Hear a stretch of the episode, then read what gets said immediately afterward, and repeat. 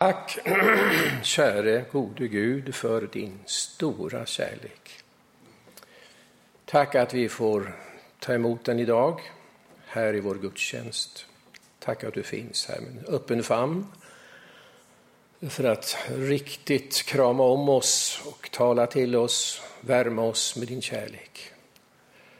Tack att vi i någon mån får ge tillbaka till dig, att vi får visa att vi älskar dig och vi får ge vår gåva av nåd, av allt detta stora vi har. Ta emot den här gåvan och alla andra gåvor som vi ger på olika sätt. Välsigna dessa gåvor. I Jesu namn. Amen.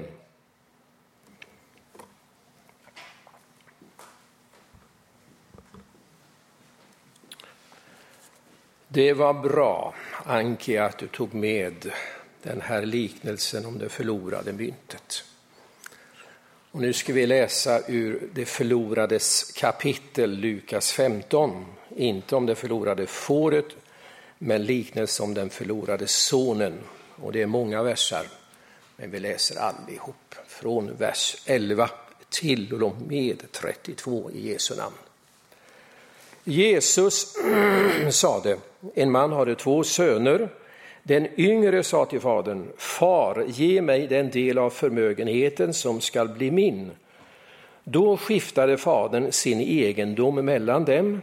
Några dagar senare hade den yngre sonen sålt allt han ägde och gav sig iväg till ett främmande land. Och där slösar han bort sin förmögenhet på ett liv i utsvävningar.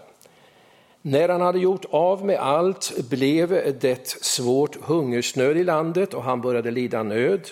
Han gick och tog tjänst hos en välbärgad man i det landet och denne skickade ut honom på sina ägor för att vakta svin.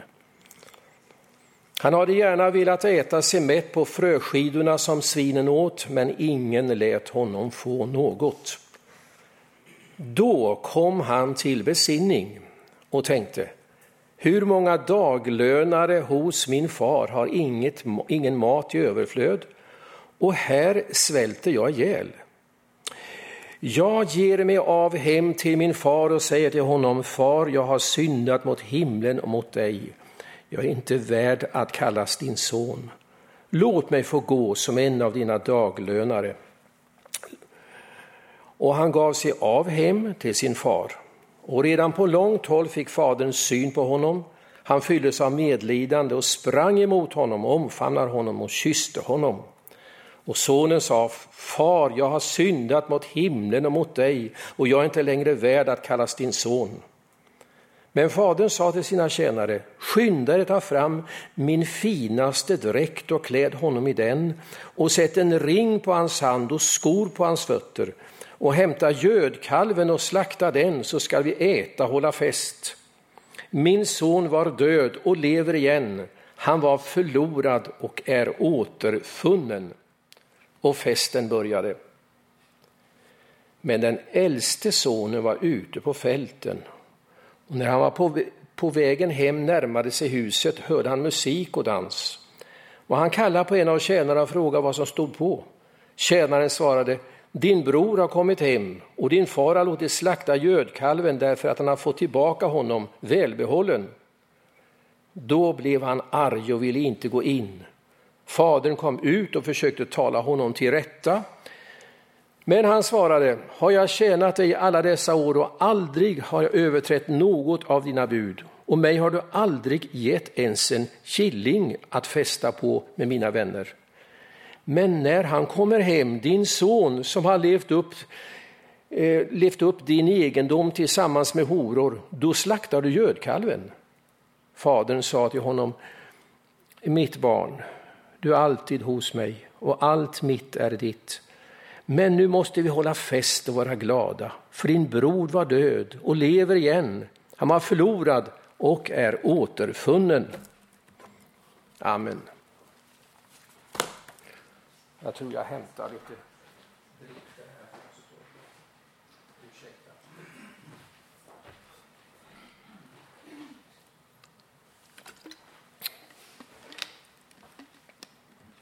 I Nationalmuseum i Stockholm så finns det en stor tavla som, vägg, som, som täcker en stor vägg gjord av en konstnär von Rosen och den föreställer den förlorade sonens hemkomst. Där kan man se en stor gård, mangårdsbyggnad, hus med trappa och altan. Och så klädd i trasor, långhårig och håller i en stav. Ansiktet är härjat. Och på första trappan så är det en hund kopplad. Han ser med ilskna ögon på att en främling har vågat sig fram till huset. Och så bredvid så stor mor med korslagda armar. Men far, den gamle mannen, står böjd uppe på balkongen och där har han stått och spejat dagar och månader och nu är hemkonstens stund inne. Detta kan du se på Nationalmuseum, den förlorade sonens hemkomst. Och det här är en mycket känd liknelse. Den är svår att predika över för den är liksom sönderpredikad på något sätt. Den är skildrad i konstverk och filmer och teater och på scoutläger. Jag har varit med om många scout och tonårsläger. Alltid ska man demonstrera, eh, dramatisera den förlorade sonen. Det är så det är liv i den här liknelsen. Den är tidlös. Här ska vi möta den förlorade sonen vi ska möta den äldre sonens avund, vi ska möta inte minst faderns kärlek och vi ska möta den tredje sonen. Och det blir det främsta. Men först den yngre sonen, vägen bort. Varför gav han sig iväg? Han hade ju det bra. Det var en stor gård, de hade många tjänare. Men jag tror det var trångt där hemma. Han hade en storbrorsa som de dominerade det är inte så lätt var lillpojken dominerade denna äldre son. Han hade föga känsla för sin lillebror. Han var undertryckt. Och så fanns det en frihetslängtan. Jag vill skapa mitt eget liv. Jag vill ge mig iväg. Och så bad han om sin del av arvet. Och observera, det var bara en tredjedel av arvet som han fick. För den äldste sonen skulle ha dubbel lott, som det står. Han var förstfödd. Han fick två tredjedelar. Men det var säkert inte så lite, den här en tredjedelen som han kunde disponera. Han sålde allt vad han ägde och han gav sig iväg. Och det var heller inte konstigt för det var mycket utvandrare ifrån Palestina vid den här tiden. Israeliterna, ja de var en och en halv miljon som levde där i hemlandet och det var fyra miljoner i förskingringen. Det är precis som i byar i Smålandsbygder, det var kanske hela byar av, där unga män hade lämnat för att åka till Amerika, till friheten och skapa sig en framgång. Men det gick inte bra som vi har hört. Han levde i utsvävningar, pengarna tog slut, han var fattig och han svalt. Det var på botten, botten fullständigt. Han hade ingen mat och då är det inte lätt och så hade han ingen frihet för han blev slav. Frivilligt ställde han sig under en man där i landet och blev slav och skulle vakta svin. Och det är det ännu mera botten, för svin vill inte judar ha att göra med, det är orenaste djur. Man vill inte peta på det ens, för det är så hemskt detta att vidröra ett, ett otäckt, orent svin.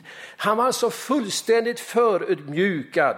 Han skulle mata svinen och han fick heller inte äta svinmaten. Det, ja, han ville det, men han fick inte det. Fröskidorna från Johannesbrödsträdet, det var botten. Fullständigt förnedrad var han. Men, men, då står det så fint, han kom till besinning. Han kom till besinning. Nu vände det i hans huvud. Han började tänka klart. Vad har jag gjort? Hur har jag det? Drängarna där hemma har det mycket bättre än mig. En gång hade han bott i ett välvårdat herresäte. Nu bodde han i ett smutsigt svinskjul. Förr hade han haft en skräddarsydd kostym. Nu levde han i smutsiga trasor. En gång hade han färdat sin ståtlig vagn med snabba hästar. Nu hade han inte ens sandaler när han skulle gå framåt. En gång hade han ätit den finaste maten i överflöd där hemma. Nu fick han bara se med begärelse på svinmaten. Men nu vände han om. Han ödmjukade sig och så stavar han på den här syndabekännelsen. Far, jag har syndat mot himlen inför dig. Jag är inte värd att kallas din son. Ja, så skulle han säga när han kom hem. Och det var en lång väg hem och det var en tung väg. Och ången värkte och oron gnagde. Hur skulle han ta sig emot egentligen? Och då går vi till andra punkten, Fadern. Fadern, huvudpersonen vill jag säga i liknelsen som Jesus berättar. Månader, kanske år, hade han varit orolig för sin son. Han hade inte gett upp, han väntade och längtade och trodde att han skulle komma tillbaka. Och han gick gång på gång upp, ut på balkongen och tittade. Och tänk, så kom en dag, på långt håll står det, att han såg honom komma. Då du, då hade han inte bara tillfälligt kastat en blick, långt där borta kom han som han hade väntat på. Och han fylldes av medlidande och kärlek. Han sprang, står det till mötes. Det passar inte en judisk karl att springa, det gör de inte. Och inte ens en gubbe, inte ens en älskade far springer inte. Men det gjorde han, det var bråttom. Och så skällde han ut honom. Usling, äntligen vågar du dig hem. Stick iväg, jag vill inte ha med dig att göra. Nej, han sa naturligtvis inte så. Han sprang hon till mötes. Han öppnade storaste famnen. Han kysste honom. Han ville inte lyssna på syndabekännelsen. Han sa, min mina tjänare ta fram den finaste dräkten. Och det var en symbol. Den vackraste dräkten är en klädnad. Det, det, det, det rättfärdighetens klädnad har hört talas om. Det talar om att han har godkänt. Han var återfunnen. Ring på, hans, på ett finger, det är också en symbol. Ringet är en symbol för förtroende. När man ska förlova sig, visa förtroende, då är en ring. Och skorna var en symbol för friheten. Nu kunde han gå, han var fri, han var inte slav längre. Det var en gränslös kärlek. Med denna klädnad, ring och skor.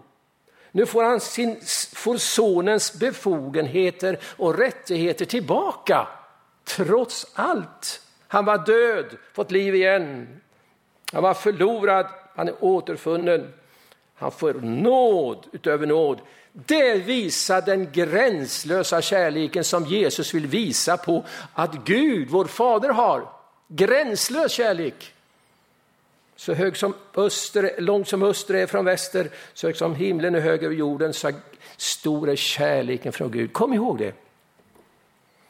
Jag läste om en ung man i Småland. Han stack hemifrån när han var 18 år. Det var mycket sorg i hemmet. Han hörde inte av sig. Var var han? Levde han ännu? Föräldrarna hade gett upp hoppet. Efter 26 år kom ett brev till föräldrahemmet. Där skriver sonen. Jag kommer med tåg på lördag eftermiddag. Om ni fortfarande kan räkna mig som er son så häng ut en handduk i äppleträdet utanför köksfönstret när tåget går, när jag kommer förbi. Och då vet jag att jag är välkommen. Och nu sitter han på tåget. Det är inte många stationer kvar. Han ska passera föräldrahemmet och, och, och sen, sen, ska han gå av vid nästa station. Han, åh, hur ska det bli? Tåget närmar sig föräldrahemmet. Han tittar nervöst ut genom, genom tågfönstret. Hur ska det vara? Han spanar. Ja, där är gården. Och vad ser han? Hela trädgården är vit. De har hängt ut alla handdukar och lakan. Det är som en, hela skogen i trädgården är fylld med vita, vita tecken. Han är sannerligen välkommen. Obegränsad. Det var glädjen när han gick av i nästa station och sprang hem till gården och mötte kärleken så obegränsad. Sån är Gud! Till liknelsens stora poäng, den gränslösa kärleken. Det han som hade levt i det svinaktigaste livet i botten Han fick upphöjelse och det blev sång och det blev fest och det blev glädje. Ja, man, man, man slaktade den gödda kalven och den hade man sparat till ett alldeles särskilt tillfälle. Och det var musik och det var dans och det hördes hela byn och man gladdes där i byn. Men, men det var en som inte gladdes. Och det var den äldre sonen. Jesus kunde bara stannat med den här yngre sonen i sin liknelse. Det, det, det, det var ju det han ville säga till fariseerna. Hur, hur, hur, man kan leva iväg i slöseri och så vidare. Men nu hade han en poäng där han tar fram den äldre sonen. Han levde ett hyggligt liv. Han hade tjänat där hemma i många år, säger han. Han har aldrig gjort något fel. Jag har aldrig överträtt några bud. Och han var rik, han ägde mycket. Allt mitt är ditt, sa fadern. Inte dåligt är det. Var han lycklig och nöjd? Nej, han var sur. Han var avundsjuk, han var förgrämd. Han ville inte räkna med lillbrorsan. Så säger han, denne din son som har kommit hem. Din son, han säger inte min bror. Han vill inte räkna honom som sin, sin bror. Han säger till fadern, din son har levt ute i förlustelser och förstört allt. Han vill inte förlåta. Han var fylld av en sårad stolthet. Han ville inte ens gå in på festen. Och far gick ut där i mörkret utanför hemmet och, och, och försökte tala om till rätta, står det. Då kommer min fråga. Hur ser vi, du och jag, på våra medmänniskor? Det finns förlorade söner och döttrar också i denna tid. Kanske någon du har mött som har levt sitt eget liv, som har misslyckats på något sätt. Skyll dig själv, säger många. Skyll dig själv. Jag minns min kompis Hans i granngården hemma på Östgötaslätten. Hans far jobbade som ladugårdsarbetare. Det fanns inte mycket kärlek i det hemmet. Men Hans, han var två år äldre än mig. Vi gick i samma skola, vi gick i samma söndagsskola, vi hade lekt mycket tillsammans. Men han hade svårt där hemma. Och det blev svårt för honom när han lämnade hemmet. Han hade inte så mycket ryggrad, eller hur man ska säga det. Mycket, inget stöd hemifrån, tvärtom.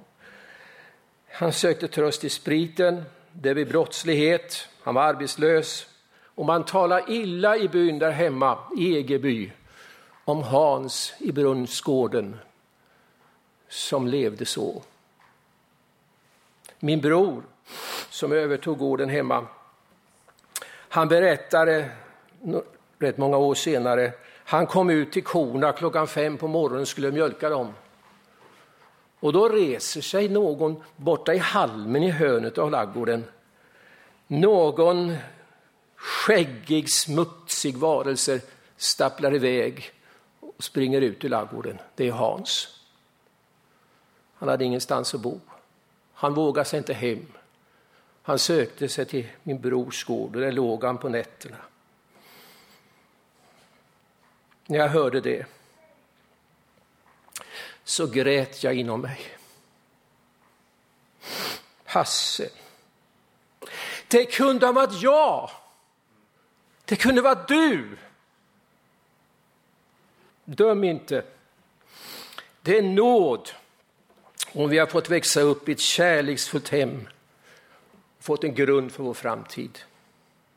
Hur ser du på dina medmänniskor? Den äldre sonen var oförsonlig. Han ville inte ta emot sin förlorade bror som hade fått livet igen. Han var själv förlorad därför att han inte ville ta emot Guds nåd. Och så är det. Vi är själv förlorade om vi lever i oförsonlighet. Och det här är en udd som Jesus tar fram i denna liknelse just emot fariseerna. Det står så här i början av det förlorades kapitel. Fariséerna och de skriftlärde var förargade och sa den mannen umgås med syndare och äter med dem. Då gav han dem denna liknelse. Och så står det här i om det förlorade fåret säger jag er på samma sätt blir det större glädje i himlen över en enda syndare som omvänder sig än 99 rättfärdiga som inte behöver omvända sig. Alltså rättfärdiga som känner att de inte har gjort något fel, de behöver inte omvända sig. Du, det här är viktigt. Det är en viktig punkt Jesus visar. De behövde inte Jesus. De förkastade Guds son. Och nu kommer vi till den här tredje sonen som i högsta grad är med. Den högste son, säger änglarna om honom. Det är nämligen Guds son. Han är i högsta grad med. Han har gett oss denna liknelse. Så älskade, älskade Gud världen att han utgav sin enda son. Tänk det var nödvändigt för att rädda oss syndare och fariseer och skriftlärde och huskvarnabor och alla vem vi är. Han utgav sin son och visade en gränslös kärlek. Och det är just i Jesus person som Gud visar sin kärlek. När Jesus hängde på korset så möter vi Guds stora kärleksfamn. Då visas den stora kärleken när han offrar det dyrbaraste, sin son. Gud bevisar sin kärlek till oss däri att han utgav sin son till försoning för våra synder, står det i ordet. Jesus för världen givet sitt liv. O, vilken kärlek underbar sann, läser vi i en psalm. Och i första Johannesbrevets fjärde kapitel, det, det, det är fullständigt fullt med tal om denna kärlek, kärleken ifrån Gud. Och, och, och låt mig bara läsa två versar. Detta är kärleken, inte att vi har älskat Gud, utan han har älskat oss och sänt sin son till försoningsoffer för våra synder. Hör du min vän, det här är fantastiskt. Det är det här hela Bibeln går ut på. Det är det här hela Jesu liv går ut på. Att vi ska få del av Guds kärlek. Det som är förlorat blir återfunnet, det som är dött får liv. Och det får vi genom den tredje sonen här, Guds egen son. Nu kommer jag till sist och fråga dig, vem liknar du och jag av dessa söner? Är du som den yngre som har sökt kasta av dig alla dolda krav och vill leva i frihet och gå din egen väg, göra som du själv vill och har kommit till besinning att det här var inte rätta vägen. Du har förödmjukats och du kommer åter och du får nåd. Halleluja, du har fått nåd. Eller är det som den äldre sonen som lever i självgodhet. Inga fel har jag gjort, jag är bra som jag är. Det finns sådana som tycker så, jag är bra som jag är. Men lever i oförsonlighet. Det är allvarligt det. Det gjorde den äldre sonen. Liknar du honom? Och det här är känsligt, men jag, jag, jag, kan inte gå förbi det. Jag måste säga det. Jag har mött det så mycket. Människor som inte tål tål inte sina släktingar, tål inte en arbetskamrat, tål inte en granne, pratar inte med sin son, med sitt barn ens. Man vill det inte. Det är inte jag som har gjort något fel, det är de som har gjort fel. Man lever i oförsonlighet, i bitterhet. Det är ingen glädje i det här livet. När jag jobbade i Nyköping så hade jag förmånen att ringa upp människor som fyllde jämna år. Jag fick adresser och telefon genom pastorsexpeditionen. Jag gratulerade dem i närradion. Det var många djupa samtal. Jag ringde till en dam som fyllde 80 år. Jag gratulerade. Då sa hon under tårar, Du är den ende, den ende som hör av sig till mig. Den ende. Jag har barn som jag inte pratat med på många årtionden. Barn som aldrig hör av sig till sin mor. Det känns. Det finns motsättningar i de närmaste relationer. Oförsonlighet. Vi har hört motsättningar i Almedalen hela veckan. Oj, oj, oj, vad de vet väl. Så här ska vi rädda Sverige. Det är det här som är enda rätta. Tro mig, rösta på mig. Ni andra har fel. Det är motsättningar i samhället, länder emellan, religioner emellan. Och det kan vara motsättningar i församlingar också. Vi har olika bakgrund och erfarenheter och andlig mognad. Paulus säger ha fördrag med varandra, ha tålamod och visa kärlek. Ja, om vi kan likna med Jesus Kristus skulle det vara mycket bättre. Det kan vara motsättningar i familjen, familjerelationer. Tyvärr är det inte ovanligt. Ja, den yngre sonen insåg att det går inte längre han kom till besinning. Tänk om du och jag kunde komma till besinning och ta vägen tillbaka. Trots att det kostar på så oerhört. Men du, om du är den starkaste i denna felaktiga relation så tar du initiativet och du skriver det där brevet som du har skjutit upp så länge. Saliga är de barmhärtiga, de ska möta barmhärtighet, säger Jesus. Barmhärtighet är just utgivande kärlek och det är en gränslös kärlek.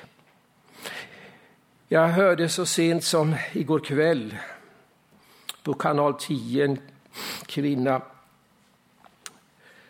där hennes far lämnade hemmet när hon var fem år. Och modern skaffade en annan kar. Det blev inte bra. Efter 35 år så sökte denna kvinna efter sin biologiska far. Hon hittade honom i Stockholm. Hon tvekade innan hon ringde. Hon bestämde möte med honom. Han hade inte velat, velat, velat, velat tala om vem han var, utan han hade flytt. Ville inte godkänna henne som barn. Men de möttes i kärlek. De grät. De grät i kärlek. Jag vill fråga dig, min vän, vilken av sönerna liknar du? Så som han har älskat och gett av sin kärlek så ska vi också älska varann, står det i en sång. Så som han har älskat och gett av sin kärlek ska vi också älska varandra. Du, du kan inte skapa om dig själv, du kan inte skapa om din medmänniska. Men det finns en kärlek som kan förvandla människor. Det är Guds kärlek som kan smälta det här isiga förhållandet, som kan förvandla det som har brustit och det hoppas jag du och jag vill vara med om och bli mera lika Jesus Kristus. Det står i Johannes 15 och 26, I har väl icke utvalt mig, men jag har utvalt er att gå stad och bära frukt. Och det är just denna kärlek. Han vill använda dig och mig för att förmedla Guds stora kärlek till omgivningen. Och det kan ske under där. Du ska möta, eh, du ska uppleva att den här kärleken, den är obegränsad. Den kan ta bort det mesta, det, allt av detta som ligger i vägen mellan människor. Och då ska du uppleva en gång att himlen är öppen. Det finns en port som öppen står för dig, en öppen famn för Gud älskar dig och du får gå in i den himmelska festen. Amen. Låt oss bedja. Tack Jesus att du gav oss den här liknelsen. Du som älskar världen, att du utgav dig själv för oss. Du ville lära människorna på den tiden att det går inte att leva sin egen kraft och sin egen rättfärdighet. Hjälp oss att inse det, komma till besinning, att vi behöver mer av dig.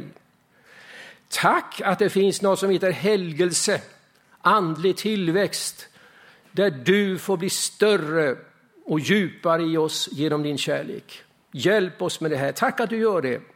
Du lämnar oss inte när vi ber detta ärligt och uppriktigt i förkrosselse, att vi ska bli bättre dina lärjungar och följa dig. Tack att du låter den gudomliga, gränslösa kärleken komma in i, i oss och vi kan bättre älska varandra. Tack att du hör bön. Amen.